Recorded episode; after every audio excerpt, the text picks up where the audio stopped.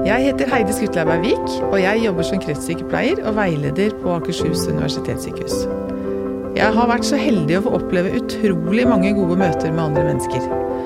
Er det noe jeg virkelig brenner for, så er det at alle som ser andre, selv må våge å bli sett. I helhjerta ønsker jeg å finne ut av hva er det som skal til for å skape de gode menneskemøtene. Katrine får beskjed om at hun har fått en svulst på hjernen. Hun får vite av sin eh, kirurg at hun kan fjerne hele svulsten og muligens miste taleevnen. Eller hun kan la noe av svulstvevet bli sittende og prate resten av livet. Hvordan skal Katrine kunne ta dette valget? For henne var det viktig å snakke, Samtidig er det viktig å få lov til å leve og oppleve å bli mormor. I dag så skal vi snakke om samvalg.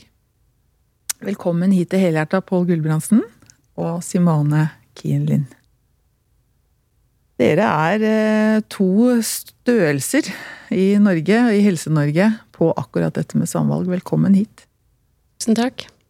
Takk for det. Eh, Simone, du er sykepleier. Eh, ph.d.-stipendiat Du er midt i et ph.d.-løp, stipendiat, og du er spesialrådgiver i Helse Sør-Øst. Og jobber der med samvalg. Riktig. Hvilken avdeling var det du jobba på igjen? Jeg jobber i, i, avdeling for medisin og helsefag, samhandling og brukermedvirkning. Ja, akkurat. Og Pål Gudbrandsen, du er eh, professor i samfunnsvitenskap. Um, I helsetjenesteforskning, ja. Mm. Mm. Og du er eh, ekspert og professor i det meste som jeg veit om. Vi to jobber ganske tett sammen. Jeg får lov å være så heldig å få lov til å drifte Fire gode vaner og eh, klinisk kommunikasjon, som du har tatt inn til Norge. Eh, men du er jo ikke bare opptatt av klinisk kommunikasjon og fire gode vaner. Du har også vært veldig opptatt av dette med samvalg. Det er jo en del av kommunikasjon. Skrevet mye om det gjort mye artikler. Ja, absolutt. Du, du kan ikke se samvalg løst, løst fra kommunikasjon. Nei. Ikke mulig. Det er vanskelig. Mm. Hva er samvalg, Simone? Samvalg det er en metode, en strukturert form for kommunikasjon, som man kan praktisere for å bidra til å involvere pasienter i beslutninger om egen helse. Mm. Så um, det, det, kan læres. Det er ikke en medfødt egenskap, akkurat som andre kommunikasjonsferdigheter. Det må trenes på og øves på. Mm. Um, men det er um, absolutt mulig å, å, få til. Mm. Hva tenker du at samvalget er da, Pål?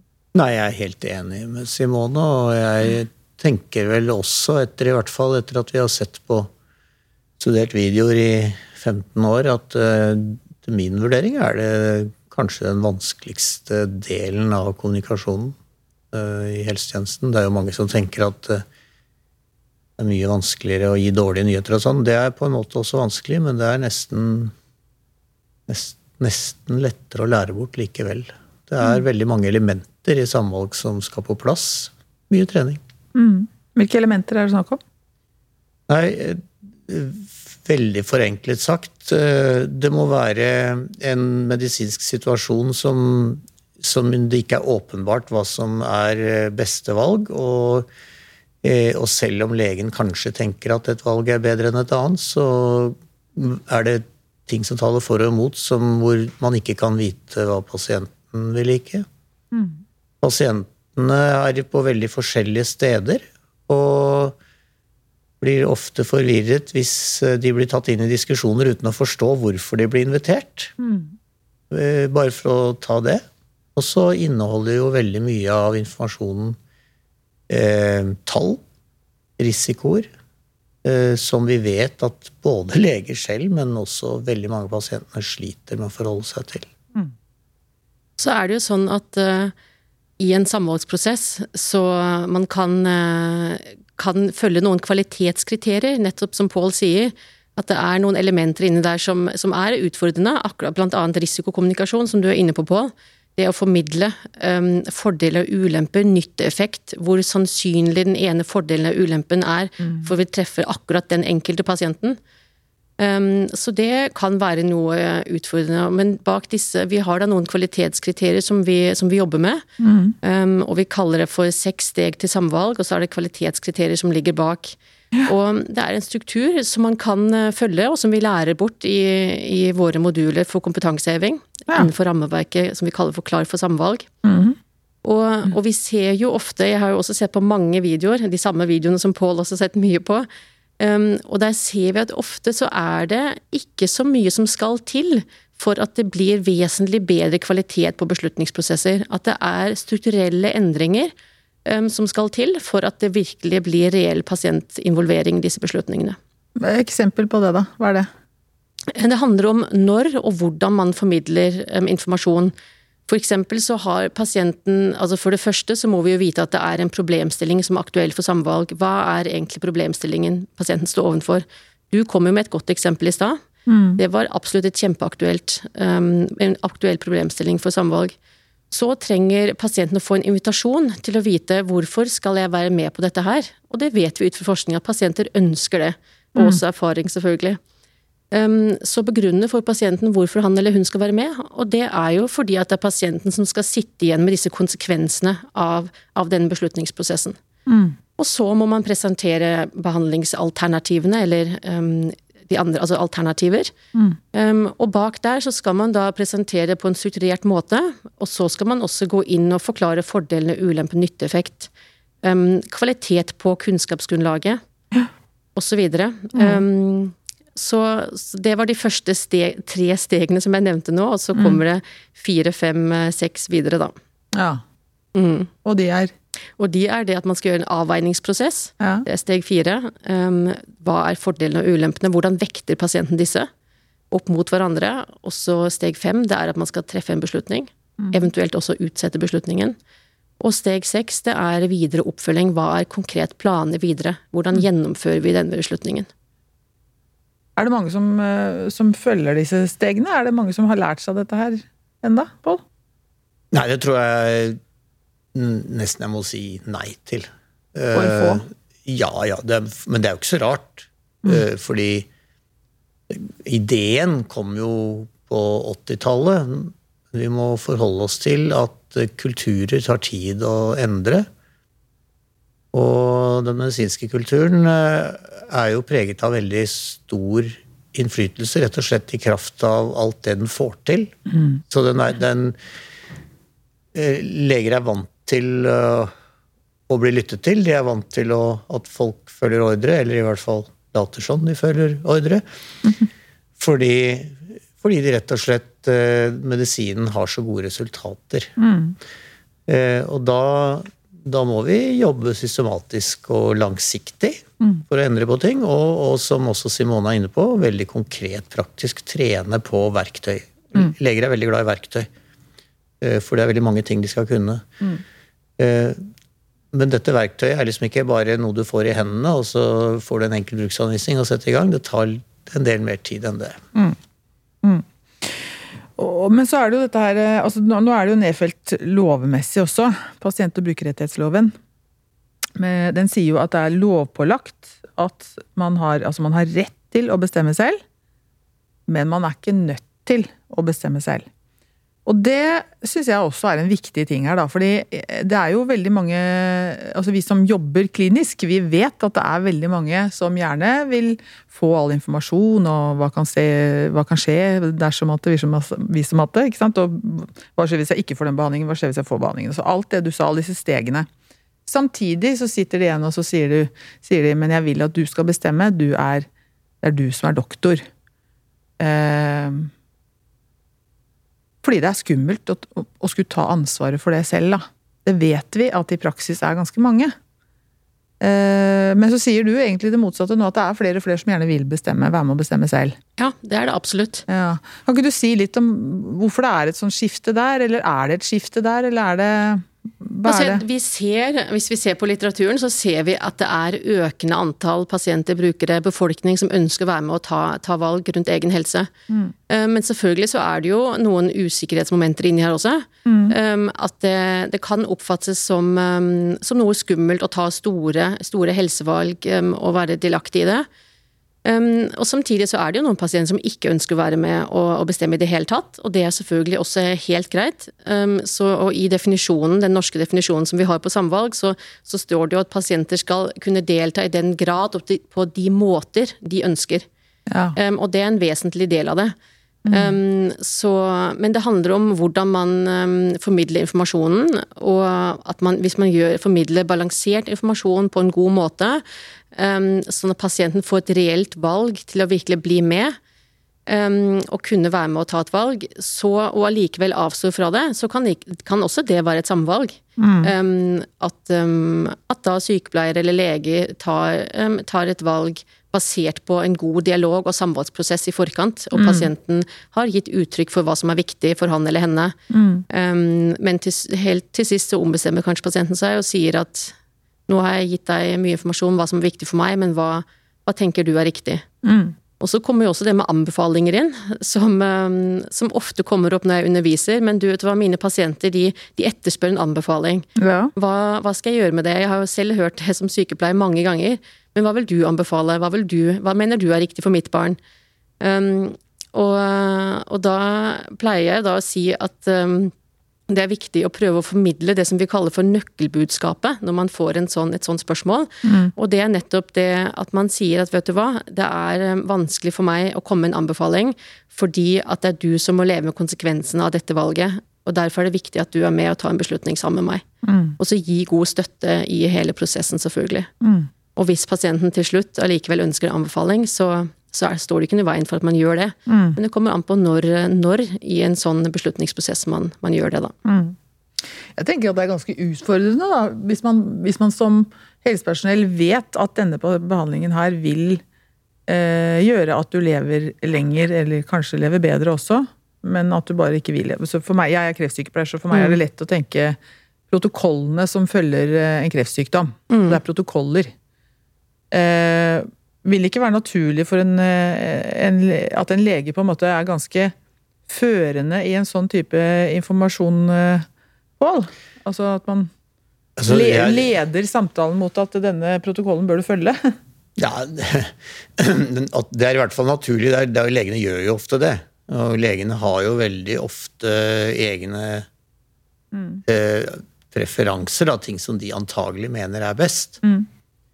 Og, og bruker ofte, bevisst eller ubevisst, det varierer, eh, overtalelsesmetoder eh, som, som, da kan fungere eller ikke fungere.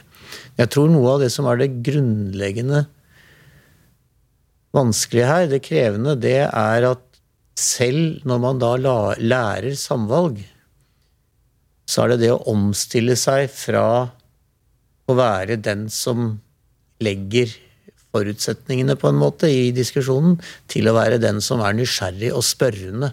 Fordi nettopp det som dere har vært inne på nå, at pasienter er på Noen har veldig klare oppfatninger om at de ønsker å være med. De vil ha veldig mye informasjon, de vil vite, de vil delta, mens andre blir rett og slett forvirret av det.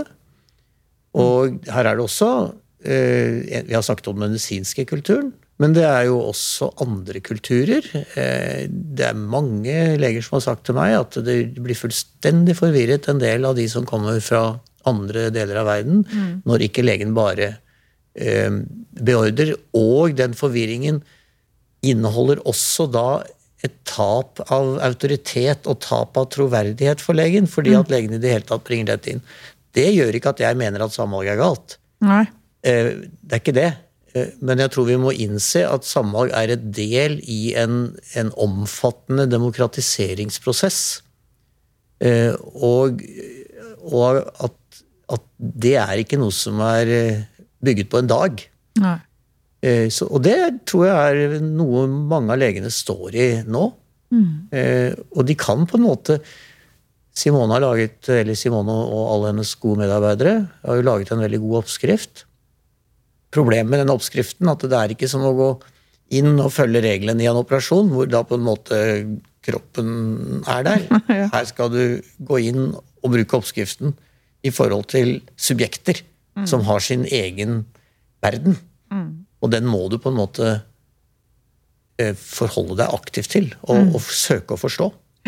Absolutt. Så det er jo på en måte en struktur, disse seks stegene, som man kan bruke, men de må tilpasses Ja. den eh, individuelle pasienten som sitter foran deg. Ja. Og sånn er det med kommunikasjon. Det er det som gjør det komplekst, det er det som gjør det utfordrende, men ikke minst spennende også. Mm. Det er akkurat det. Kjempespennende. Simone, eh, du eh, har gjort mye til å være såpass ung som du er. Du er noen og 30 år og har gjort veldig masse i forhold til samvalg og i forhold til det å være Utvikle sykepleiefaget ditt. Eh, og det hele det starta med at du ble syk selv. Da Ja, du var 20 år. det. Mhm. Du fikk lymfekreft. Ja. Ja. Fortell oss litt om hvordan det var. Det kan jeg gjøre. Um, ja, jeg fikk da altså Når jeg gikk på, på videregående, så var jeg ganske syk i flere år. Og det var litt vanskelig å komme frem til hva det var for noe. Så jeg var innom um, mange steder, flere ganger. Um, Og til slutt, da, etter, uh, etter to år, så fikk jeg diagnosen lymfekreft. Uh, Hodgkins lymfom. Mm. Og der og da så var jeg så nedkjørt at det føltes som en stor lettelse faktisk å få en diagnose. Ja. Um, og få noe å forholde meg til. Um, Forespeila et pasientforløp som jeg skulle gjennom. Og um, med stor sannsynlighet at det skulle gå bra, at jeg skulle komme ut i andre enden. Mm. Um, og være frisk. Så um, som sagt så føltes det som en lettelse. Um, men så var det sånn at jeg begynte på dette pasientforløpet, og så, og så fikk jeg et uh, tilbakefall allerede seks måneder inn i, i forløpet, når jeg da egentlig skulle vært ferdigbehandla. Mm. Um, som resulterte i at jeg da skulle få høydose cellegiftbehandling, eller HMAS-kur, som det heter. Så um, det var et lite tilbakeskritt. Um, og det var jo tøft, selvfølgelig. Men også da så fikk jeg jo forespeila et forløp, og, og skulle da gjennom denne høydosebehandlingen, og, så strålebehandling i ettertid. ja. Mm. Og alt det gikk du gjennom. Alt det gikk jeg gjennom, ja. Og det gikk jo bra. Mm. Og jeg fikk utrolig god eh, støtte og oppfølging. Eh, Så veldig, veldig fornøyd med det, den behandlingen som jeg fikk. Ja. Du, i løpet av den perioden der, så sto du selv overfor et veldig vanskelig valg. Ja. Fortell oss litt om det. ja. Det var da når jeg fikk um, dette tilbakefallet, så eh, ble det kjent for meg at jeg at jeg, det var stor risiko for at jeg skulle bli infertil, altså ikke kunne få egne barn i etterkant av denne høydosebehandlingen. Mm. Og da um, ble det klart for meg at jeg hadde faktisk eh, en, eh, et valg her som jeg sto overfor, og det var å, å enten å starte rett på denne høydosebehandlingen, Mm. eller jeg kunne velge å operere ut det ene ovariet, altså eggstokken, Mm. for så å, å fryse den ned, Mm. og senere ha mulighet for å implantere, reimplantere igjen denne. For å da kunne Hele eggstokken? Um, Nei, da Nei, vevsbiter. Mm, ja. Mm, vevsbiter. Mm. Så spennende. Ja, det er jo eh, Jeg må jo si det er, et, eh, det er utrolig hvordan medisinfaget utvikler seg, at det faktisk er mulig. Mm. Så, nei, så jeg sto overfor det valget, og mm, jeg var jo da 20, og, men hadde en, eh, en samboer, og vi visste jo at vi ønska oss barn en gang i, i fremtiden. Mm. Og han er fortsatt sammen med i dag, så han har stått ved meg hele, hele veien. Mm. Um, og for meg så ble det veldig fort klart at jeg gjerne ville, um, ville ha egne barn, da. Mm. Så jeg gikk ut fra konsultasjonen Mm. med onkologen min og var ganske um, usikker fordi at jeg måtte ta dette valget veldig raskt. og egentlig hasta det med HMAS-behandlingen. Ja. Mm. Så, men da var det faktisk en sykepleier, som kom, eh, min kontaktsykepleier, hun kom bort til meg og, og spurte meg Simone, uh, hva, hva er viktig for deg uh, i forhold til denne beslutningen her, og, og hvor viktig er det å ha muligheten til å kunne få egne barn? Mm. Så vi diskuterte um, mye rundt det, og da ble det klart for meg hva jeg, hva jeg ville. Og jeg ville da foreta denne operasjonen. Mm. Og godt er det, for nå er du mamma. Ja. Det er jeg. Så jeg var uh, nummer tre i Norge som opererte ut uh, den, det ene ovaret. Mm. Og jeg var nummer tre i Norge som, um, som fikk da uh, en frisk datter. Basert på å, å sette tilbake dette vevet, da. Fantastisk. Ja. Og så er du frisk som en fisk nå, Ja, eller? Ja, du er ser sånn ut. Ja, takk for det. Så bra. Var det da Altså ehm, Var det dette som gjorde at det var denne her veien her eh, du valgte å gå som sykepleier? Altså, det bidro i hvert fall til det. Um, jeg, helt siden jeg var liten, så ville jeg alltid bli jordmor. Det var egentlig planen min. Så jeg um, var tidlig klar over at Altså, jeg ville bli sykepleier, for så å gå videre og bli jordmor etter hvert. Men um, så med en gang jeg var ferdig behandla, så hoppa jeg rett på sykepleierstudiet. Og, um, og så begynte jeg å jobbe på nyfødt intensiv, med da målet om å bli jordmor. Men så skjønte jeg at dette harde behandlingsforløpet, det, det medførte jo også noen, eh, noen konsekvenser for meg. Og um, blant annet så var det tungt å jobbe nattevakter, og jeg var jo ganske sliten i flere år etterpå. Ja. Så jeg fant ut at kanskje jordmor ikke er um, egnet for meg likevel, at det ikke passer så godt. Og så begynte jeg på dette sporet litt med, med pasientinformasjon, og hva er viktig for pasienter, hva trenger de for å kunne ta informerte valg. Begynte å interessere meg mer og mer for det, og så ble det en litt annen vei. Og det er veldig spennende, fordi dette med samvalg, det har jo vært det har jo vært, eh, sånn Historisk sett så er jo det et begrep som vi tenker først og fremst at det er noe som foregår mellom lege og pasient på. Og nå er det, i for, forbindelse med at det er mer og mer oppgaveforskyvning nå fra lege til sykepleier, så er kanskje dette en av de områdene som vi ser at sykepleiere tar mer del i? Ja, det er nok ikke jeg den rette til å uttale meg om i hvor stor grad den oppgaveforskyvningen skjer. Men selvfølgelig, jeg har jo alltid tenkt på de som jobber rundt eh, pasienter som et team, og da, da må det være mulig å dele på oppgaver. Det som eh, kanskje Altså, legene har jo et overordnet ansvar, særlig for at informasjonen er korrekt. Og det kan av og til føre til at de gir fryktelig mye informasjon.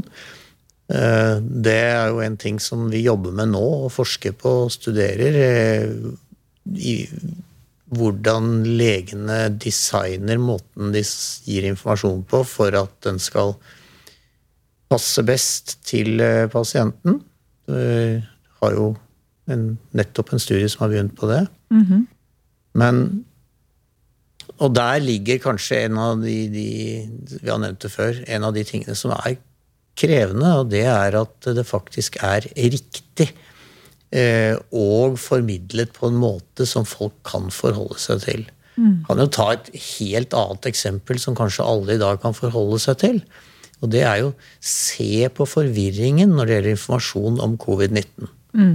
Se hvordan eh, avisene flommer over av eh, varianter av vurderinger eh, knyttet til risiko og fordeler og ulemper.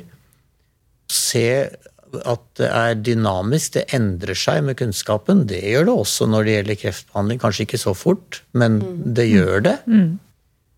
Og i- for meg så har det jo vært veldig interessant å se at dyktige velutdannede akademiske kolleger i, har landet helt på ned, total nedstengning på den ene siden, og, og den andre har sammenlignet med influensarisiko på den andre siden. Og dette er jo utdannede mennesker som trekker ut informasjonen og trekker konklusjoner som går i vidt forskjellige retninger. Ja. Og det basert på egentlig på risiko. Og jeg har tenkt mange ganger når jeg har lest og, og sett hva folk sier, tenker jeg Spørs om ikke du også er litt mer influert av akkurat din en, virkelighet, og de menneskene som er rundt deg, om du har tenåringer eller gamle mor å passe på, eller jobben din, gjør noe med hvordan du forstår eh, tall som dere egentlig kanskje burde ha forstått likt. Og, og i dette landskapet tror jeg det er uhyre vanskelig å manøvrere for sykepleierne, i hvert fall når det gjelder veldig, altså beslutninger med veldig store konsekvenser. Da. Så handler det jo om um, nettopp det å gjøre informasjon, altså formidle informasjon på en sånn måte at riktig informasjon, det er jeg helt enig på, men på en sånn måte at pasienten er i stand til å forstå, kritisk vurdere og anvende informasjonen. Um, og, og, der tenker jeg at sykepleierne har en kjempeviktig rolle. Det ligger allerede i, i oppgavene våre å, å, gi pasientinformasjon. Det gjør vi um, veldig mye fra før. Og, og, når det da gjelder samvalg av hva vår rolle i et samvalg, så ikke bare sykepleiere, men annet, helse, annet helsepersonell også, som ergoterapeuter, fysioterapeuter osv. Mm. Um, så vi må finne vår rolle, og det kan være Man kan gjennomføre både hele um, samvalgsprosesser, men også deler av samvalgsprosesser. Og i mer komplekse og store beslutninger som Pål snakker om nå, så kan det at vi skal gjøre deler av disse prosessene. Mm. At vi overtar noe av informasjonsformidlingen til å, å, sjekke om pasienten har forstått informasjonen, at vi hjelper pasienten, støtter i å avklare egne verdier og preferanser. Mm som kan bidra til at pasienten da faktisk tar et informert valg med, med legen og altså behandler som skal ta den endelige beslutningen. Mm. Så, og det er jo Denne rollen til en sykepleier kaller vi for en, en samvalgsveileder, eller på, på, engelsk heter det decision coach. Mm. Um, så vi har faktisk utviklet en egen opplæringsmodul også um, i dette for sykepleiere. Ja, så bra. Ja. Så det er um, kjempespennende arbeid. Jeg tenker at um, det er mange sykepleiere som tar valg med, med pasienter. Ja, det gjøres jo hver dag. Nettopp. Og, det, og også um, mange som allerede jobber litt som en samvalgsveileder. Ja. F.eks. diabetessykepleiere. Um, der er det mye tverrfaglige samvalgsprosesser som, som foregår. Og mm. mange, altså også innenfor onkologi, um, så er det jo absolutt det. Mm. Mange andre steder også. Så det handler om at vi må Litt rollefordeling hvem skal gjøre hva. Mm. Og det å ha gode, um, tverrfaglige um, team som, som, jobber for å få til det beste for pasienten. Mm. Mm. Og at pasienten faktisk får tatt informerte valg. Mm. Jeg tenker at vi ofte kan se på med et faglig, kritisk blikk uh, på hva som skjer rundt pasienten og livskvaliteten til pasienten, fordi vi er tettere på Absolutt. pasienten enn det legene er. Men, men, tenker man en sånn list... Nei, hva kalte du det? Uh, veiledningscoach? Sam, samvalgsveileder. Samvalgsveileder, ja. Ehm, skal ikke ta noen beslutning, men skal heller være med og diskutere det. Og så er det legen og pasientene som skal ta beslutningen, ikke sant? Det kommer litt an på problemstillingen. Ja. Um, altså Hvis det er et valg knyttet til å, å, fortsette på cellegift eller ikke, hvis vi nå er innenfor ditt ja. fagfelt, ja. så er jo det selvfølgelig Der gjøres det endelige valget med, med legen. Um, mens det kan være mange andre beslutninger, um, som sykepleien, hvor sykepleieren tar beslutningen sammen med pasienten. Mm. Så, og, og, som du sier, så, så det å sjekke om pasienten har forstått informasjonen, Mm. Og, um, og, mange av um, altså Ofte så kommer jo Jeg har jo selv opplevd det når jeg jobba som sykepleier, at, um, at, pasienten kommer ut fra, fra legens kontor, kanskje mm. litt uh, forfjamsa, fått kjempemasse informasjon. Vi vet mm. ut fra forskning at pasienter de husker svært lite, dessverre, mm. som foregår i disse samtalene. Um, hvor da sykepleierne um, fanger opp dette og, og, bidrar til en klargjøring av informasjonen som er gitt. Mm. Um, så det er jo bare én del av det. Mm. Um, men, men jeg, jeg, tenker jo litt sånn For det, det, krever jo altså Hvis det er én lege som har legeansvar, uh, legeansvaret, mm. da, eller sånn det medisinske ansvaret for, for, pasienten, så er man jo helt avhengig av da, hvis uh, sykepleierne skal da veilede videre i det legen har lagt fram, så er man mm. jo avhengig av at den, den sykepleieren som er, uh, skal være den veilederen da, da mm. sam, samvalgsveilederen, Eh, og den legen som har ansvaret, at man har ca. de samme verdiene. For jeg tenker alle beslutninger blir jo basert på en eller annen verdi. Og informasjon. Og, ja, ikke sant. Ikke minst at informasjonen Informasjon og beslutningen skal jo, blir jo styrt av verdier. Hos individet og, og kulturen i avdelingen, eller hva tenker dere om det? Men ja, det er jo, verdiene er jo ikke minst pasientens egne verdier som er det, det sentrale i dette. Jeg er enig med Simone at det avhenger jo av beslutningens karakter. Mm. Jeg er også enig i at eh, Og det skulle man kanskje ønske at det ikke var slik, men at legene informerer ofte De misforstår god informasjon med mye informasjon. Mm. Og informerer så mye at pasientene blir forvirret. Og der er det veldig fint at det fins et team eller sykepleiere eller andre som fanger det opp og gjør noe med det. Mm. Så eh, det er bra at det er flere rundt pasienten i en sånn situasjon. Samtidig så krever det også at det er en koordinering mellom de folkene som er involvert. Fordi jeg har nok uhyggelig mange ganger sett hvor forvirrende informasjonen kan være når pasienten får den fra flere hold, og de ikke er koordinert. Ja, det er Og det. er for øvrig også et eget prosjekt som vi skal starte nå senere, på akkurat det. Så um, kolleger av meg i Tyskland har gjennomført flere studier på akkurat dette her, med sykepleierens rolle i samvalg, og hvordan man fordeler informasjon mellom seg. Og, og det som um, Noen av resultatene um, viser jo annet, som uh, ikke er overraskende, er at hvis, hvis det hele teamet ikke er samkjørte, og, og kanskje pasienten har fått et eh, såkalt samvalgsverktøy, altså informasjon om problemstillingen, fordeler, ulemper og alt dette her. Gått igjennom det med samvalgsveilederen. Er nå veldig klar på ok, dette her er riktig for meg, jeg vet hva mine verdier og preferanser er i denne problemstillingen. Så går pasienten da inn til legen for å ta den endelige beslutningen.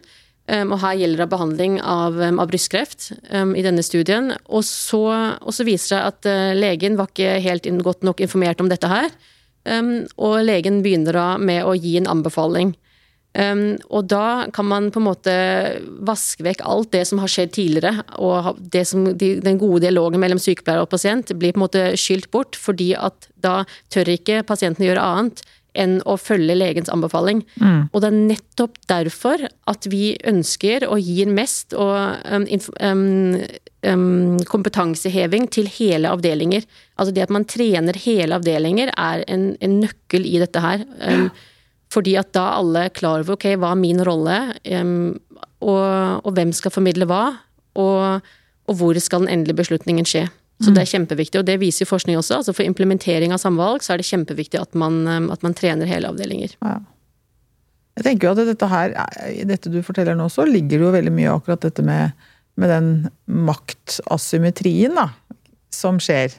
Både mellom lege, først og fremst mellom lege og pasient, hvor stor forskjell er på det. Og så er det, kommer sykepleieren og pasienten. Sykepleieren er også over pasienten i rang på et, på et sykehus. Og så er legen i, over sykepleieren i rang. Her er det mye makt. Eh, og jeg tenker at det er også kanskje noe som er litt sånn viktig i forhold til det med å trene i avdelinger. At man skal trene seg på en kultur hvor man er, har litt mer symmetri, da, eller? Ja, er det min tolkning? Det syns jeg jeg er helt enig i det. Og det. Så det er jo også noe som, um, som man må på en måte jobbe sammen avdelingsvis. Hvordan skal det være hos oss? Og, og det at kanskje legene må gi fra seg noe, og sykepleierne må ta på seg noe. Um, og at man får til en god, god fordeling og dialog der. Mm.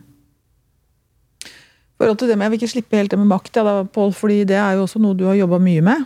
eh, Å se på dette med maktubalansen, kanskje, eller maktbalansen. Ja, altså Det er jo mange som blir litt skremt når vi snakker om makt eh, i, eh, i helsetjenesten. Mm. Og, fordi makt er ofte noe vi forbinder med noe negativt. Eh, Så jeg prøver å gjøre klart at makt i utgangspunktet er positivt, for det betyr at det er noe du har mulighet til å gjøre noe. Altså du har mulighet til et eller annet. Handlingskraft. Og eh, i forbindelse med legens posisjon, da, så kan vi ha som utgangspunkt Det finnes selvfølgelig unntak, men vi kan ha som utgangspunkt at legene virkelig ønsker å gjøre det som er riktig, og det som er godt for pasienten. Det er de oppdratt til. Det ligger i hele kulturen. Og det gjelder sykepleiere også. Selvfølgelig. Det som er utfordringen, er at når du da har så mye makt som legen har, til å, å i kraft av, Først og fremst i kraft av kunnskapen, selvfølgelig, men også i kraft av da det rollen gir av mulighet til å sette iverksette til dels ekstremt kostbare behandlinger, f.eks. Så eh, merker man ikke, og, og det er jeg veldig opptatt av, man merker ikke eh, at man ikke får motstand. Fordi man får det ofte ikke. Altså eh, Det er veldig, som Simone allerede har nevnt, veldig vanlig at pasienter ikke våger, eller ikke tør, eller kanskje rett og slett ikke orker å sette seg mot noe som kommer fra en lege.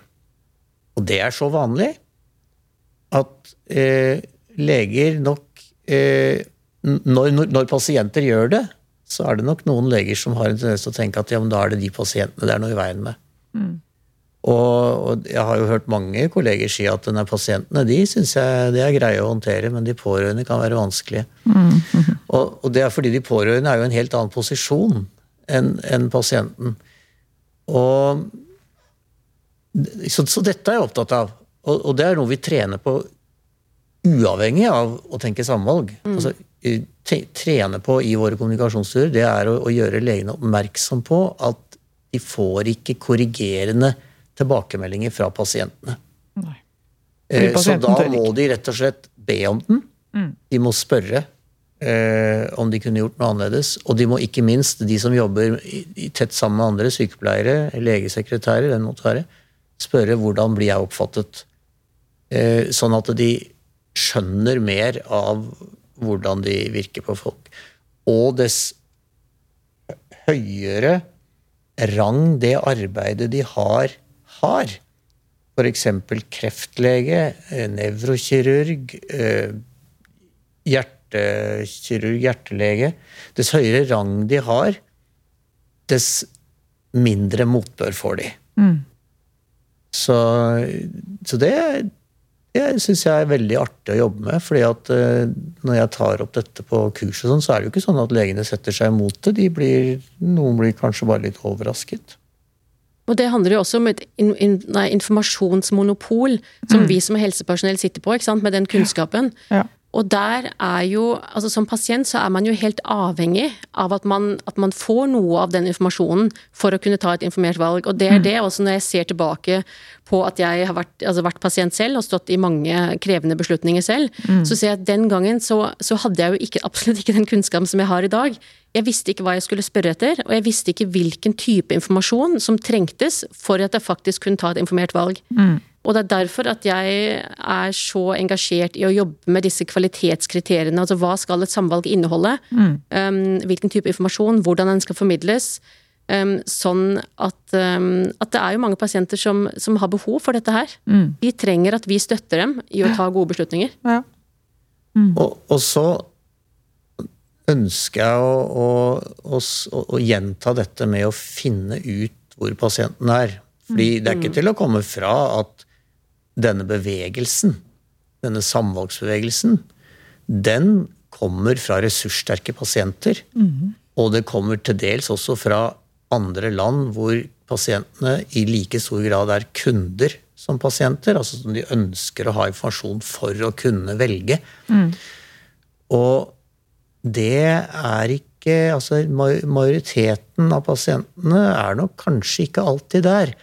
Og, men jeg vil ikke at de derfor bare skal overkjøres. Jeg må, må ikke misforstå meg, men det er, bare, det er noe med at, at jeg kan ikke iverksette eh, denne demokratiseringsprosessen eh, Rulle det ut som et hurtigtog uten først og fremst å undersøke hver, hvert enkelt menneske jeg møter, og hvordan de står, og hva de tenker, og hva som er viktig for dem.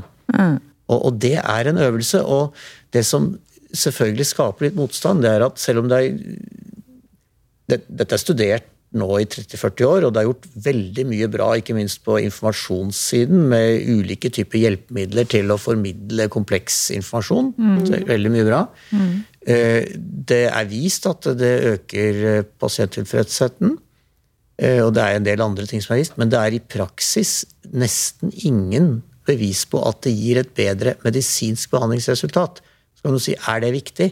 Vel, for legene oppleves det i hvert fall som viktig. Så når de møtes, når de møter virkeligheten, at dette krever faktisk veldig mye av dem, de må endre praksis, de må virkelig jobbe med å sette seg inn i, i hvordan andre har det. Og det koster både tid og, og, nysgjerrighet, selvfølgelig, som ikke burde koste. Det burde de jo ha, men likevel det, det, er plutselig noe som de ikke før har kunnet, som de må kunne. Mm.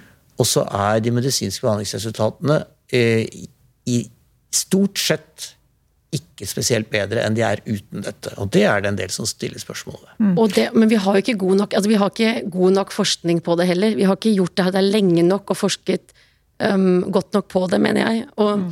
I tillegg så, altså, Det er mange gevinster vi kan forvente av samvalg. Um, det er økt kunnskap, det er flere informerte valg, pasienter velger mer i tråd med sine egne verdier og preferanser. så Det er mye som vi kan hente.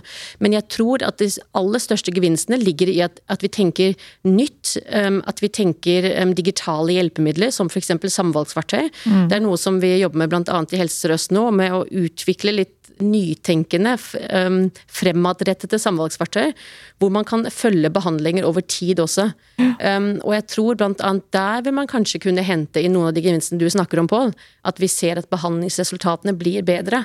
Ved mm. at man, um, at man får ulike typer tekniske um, hjelpemidler.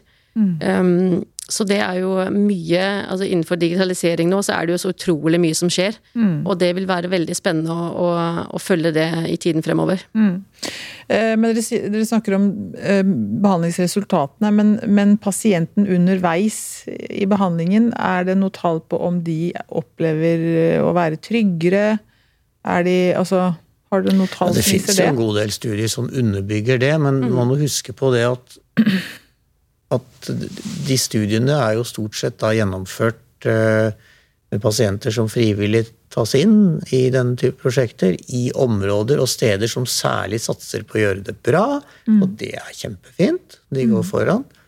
Men det er jo massevis av eh, dokumentasjon på at dess mer utdanna folk er, dess mer villig er det til å gå inn i og forskningsprosjekter, dess mer er de villige er de til å gå inn i dette? Mm.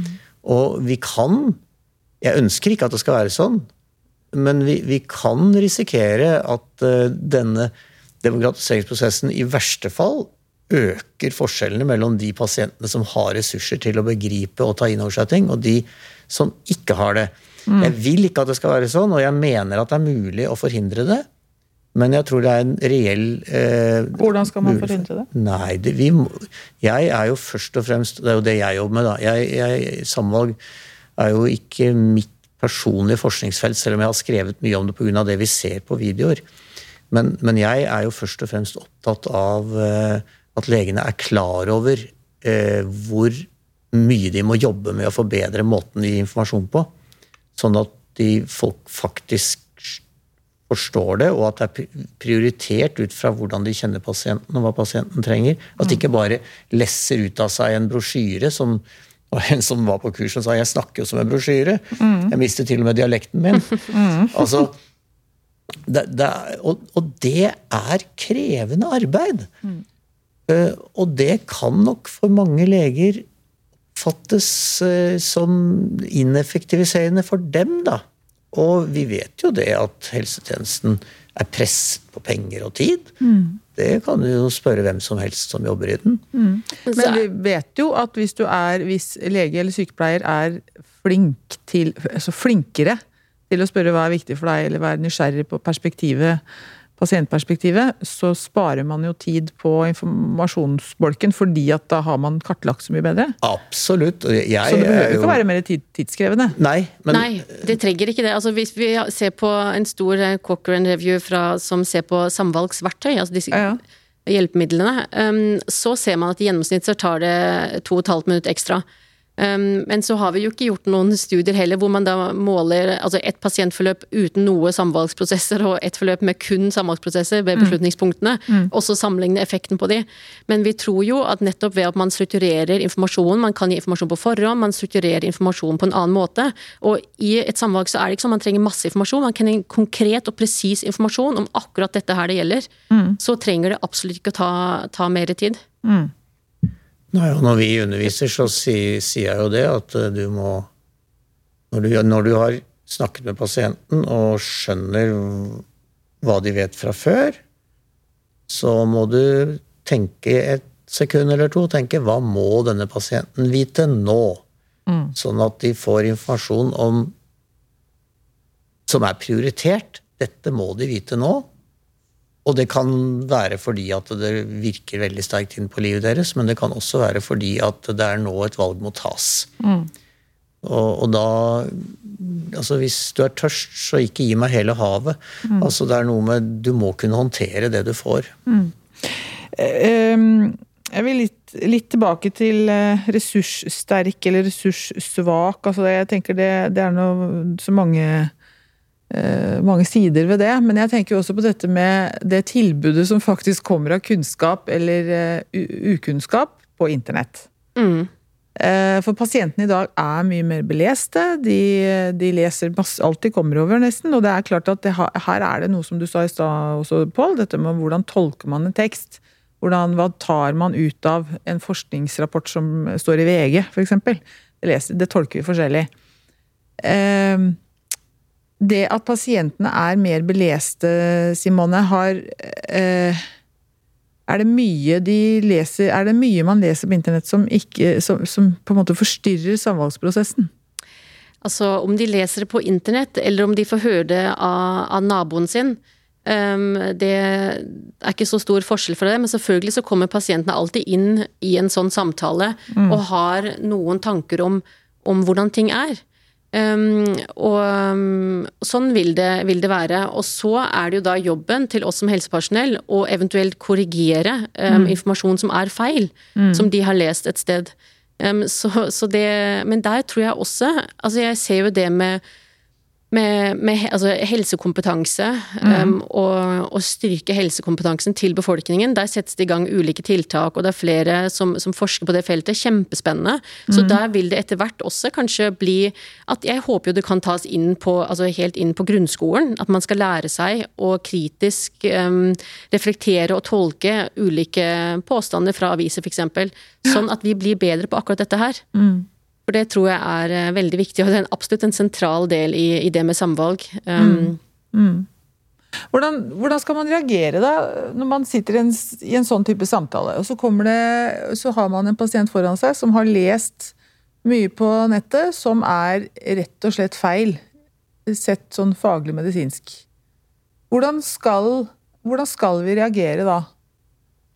Ja, jeg syns jo det er enkelt. Vi det er jo ganske mange som sier at uh, de sier f.eks. ja, det står mye rart på internett. Mm.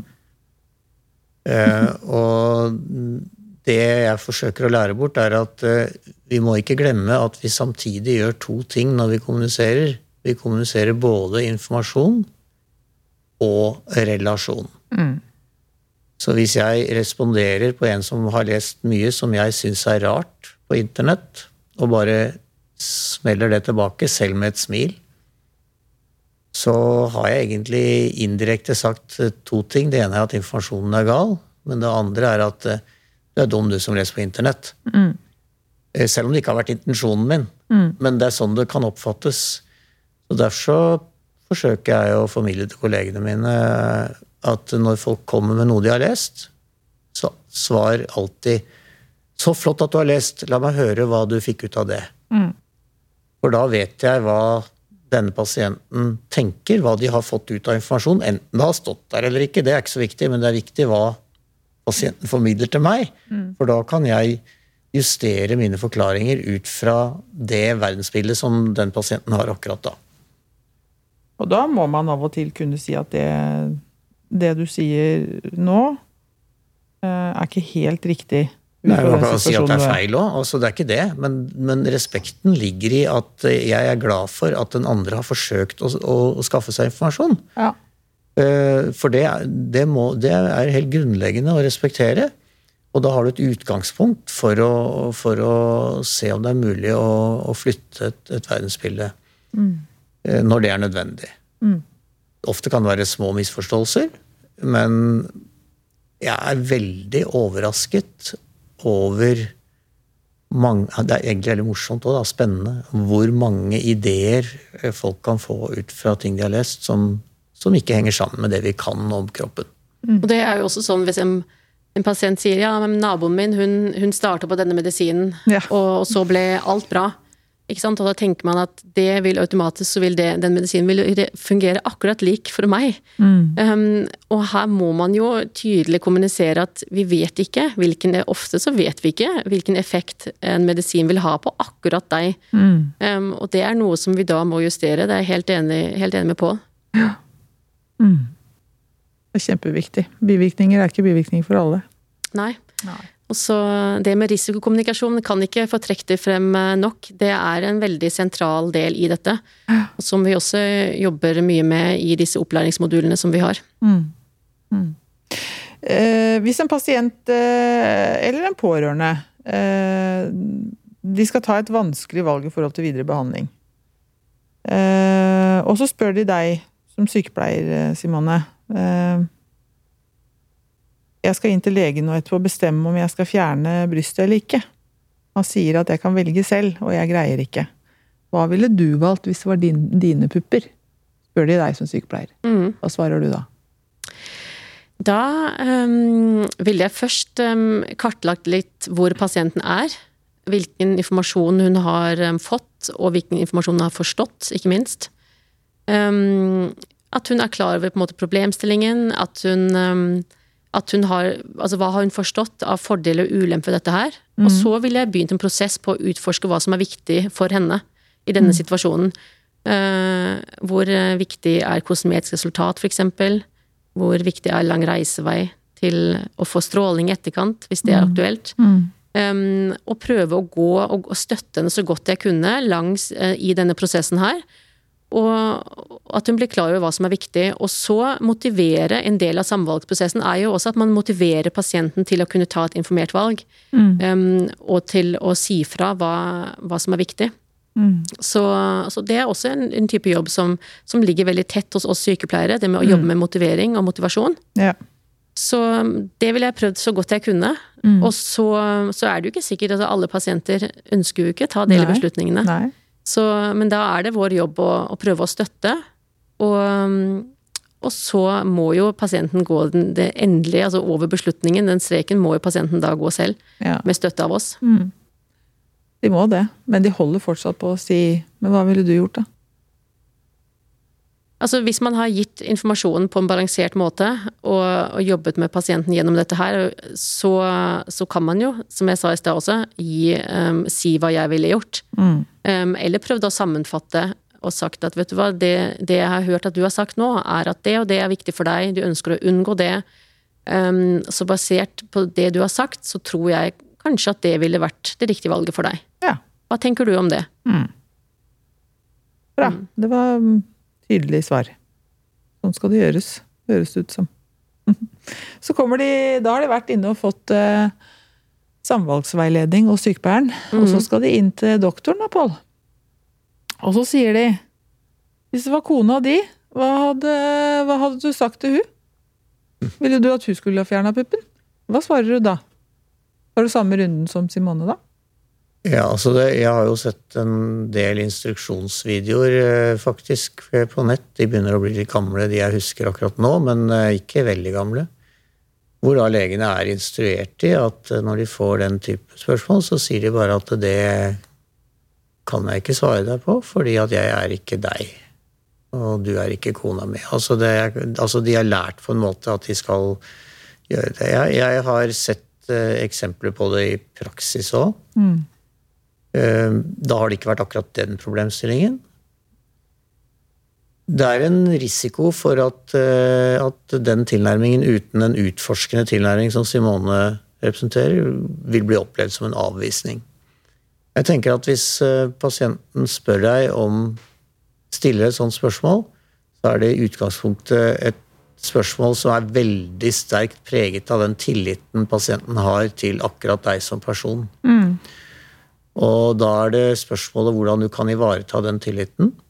Og det kan du gjøre ved, og det syns jeg er fint, sånn som Simone beskriver det, ved å prøve å få tak i bakgrunnen for at det er så vanskelig å velge.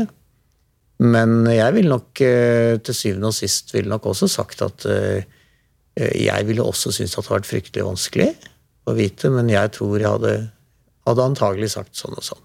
Mm. Det tror jeg. For det, fordi det handler om en sånn grunnleggende tillit til det du gjør. Og, og jeg ville jo da gitt mitt beste råd mm. uh, ut, fra, ut, fra, situasjonen. Ja. Og så er det jo veldig interessant at alle pasienter er så forskjellige.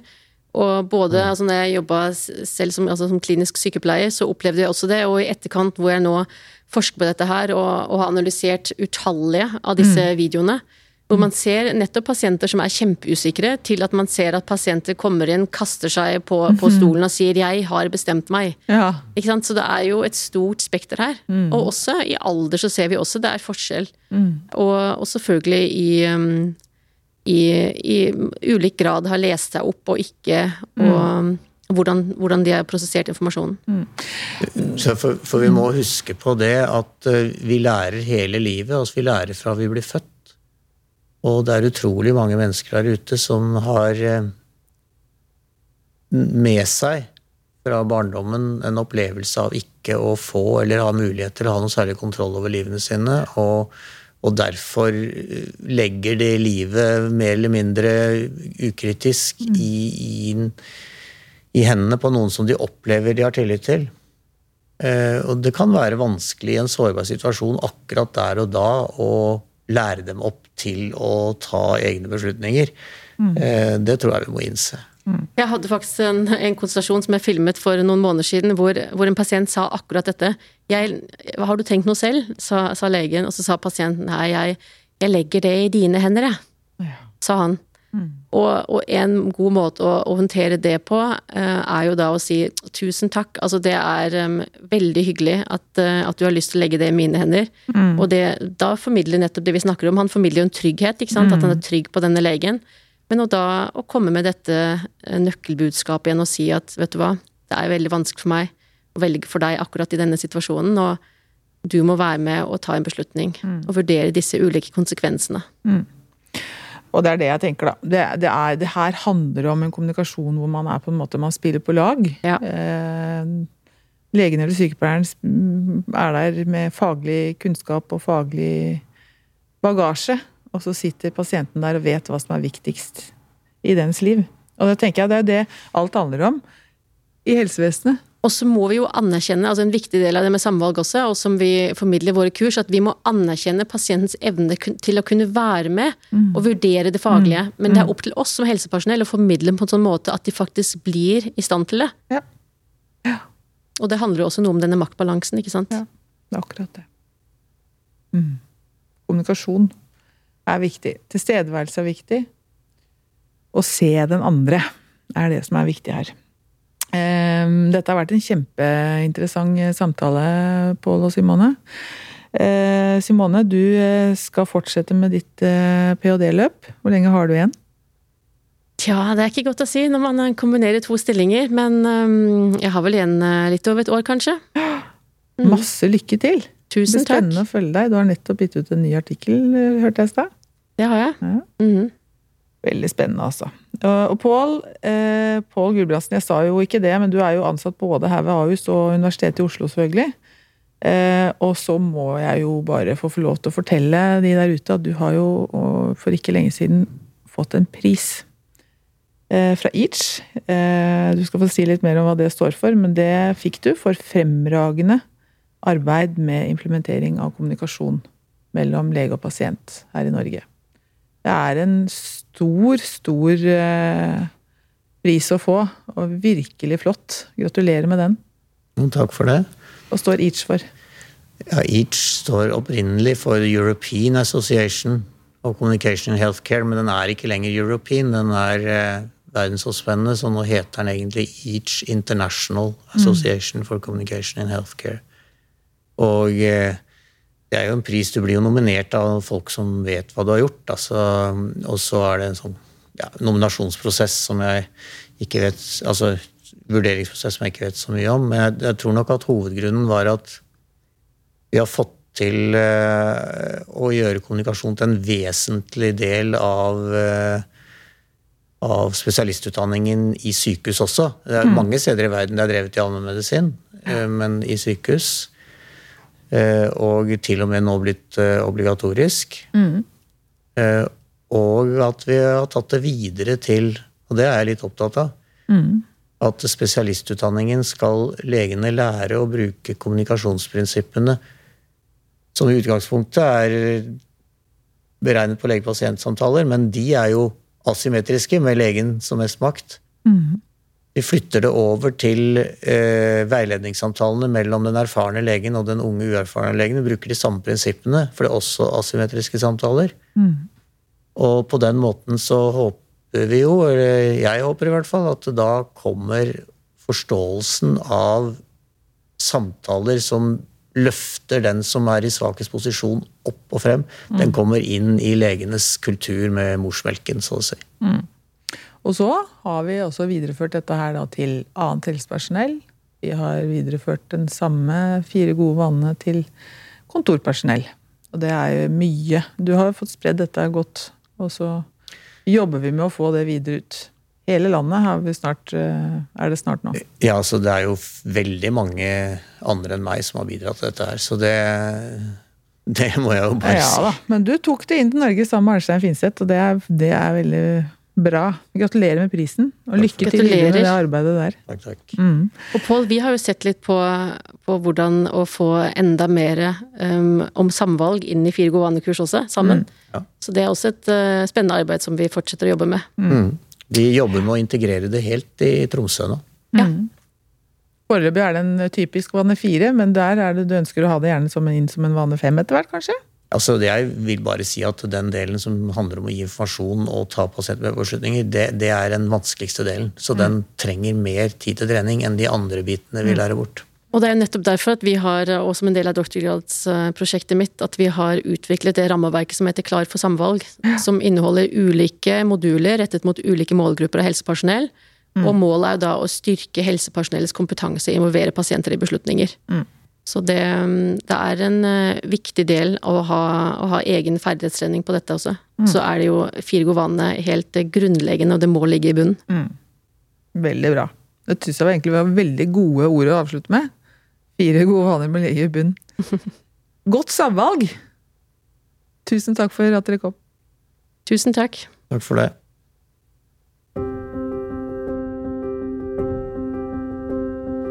Helhjerta er en podkast fra Kompetansebroen. En digital plattform for samhandling og kompetansedeling i helsetjenesten. Personer som blir omtalt i pasienthistorier, er enten anonymisert eller har gitt samtykke til deling.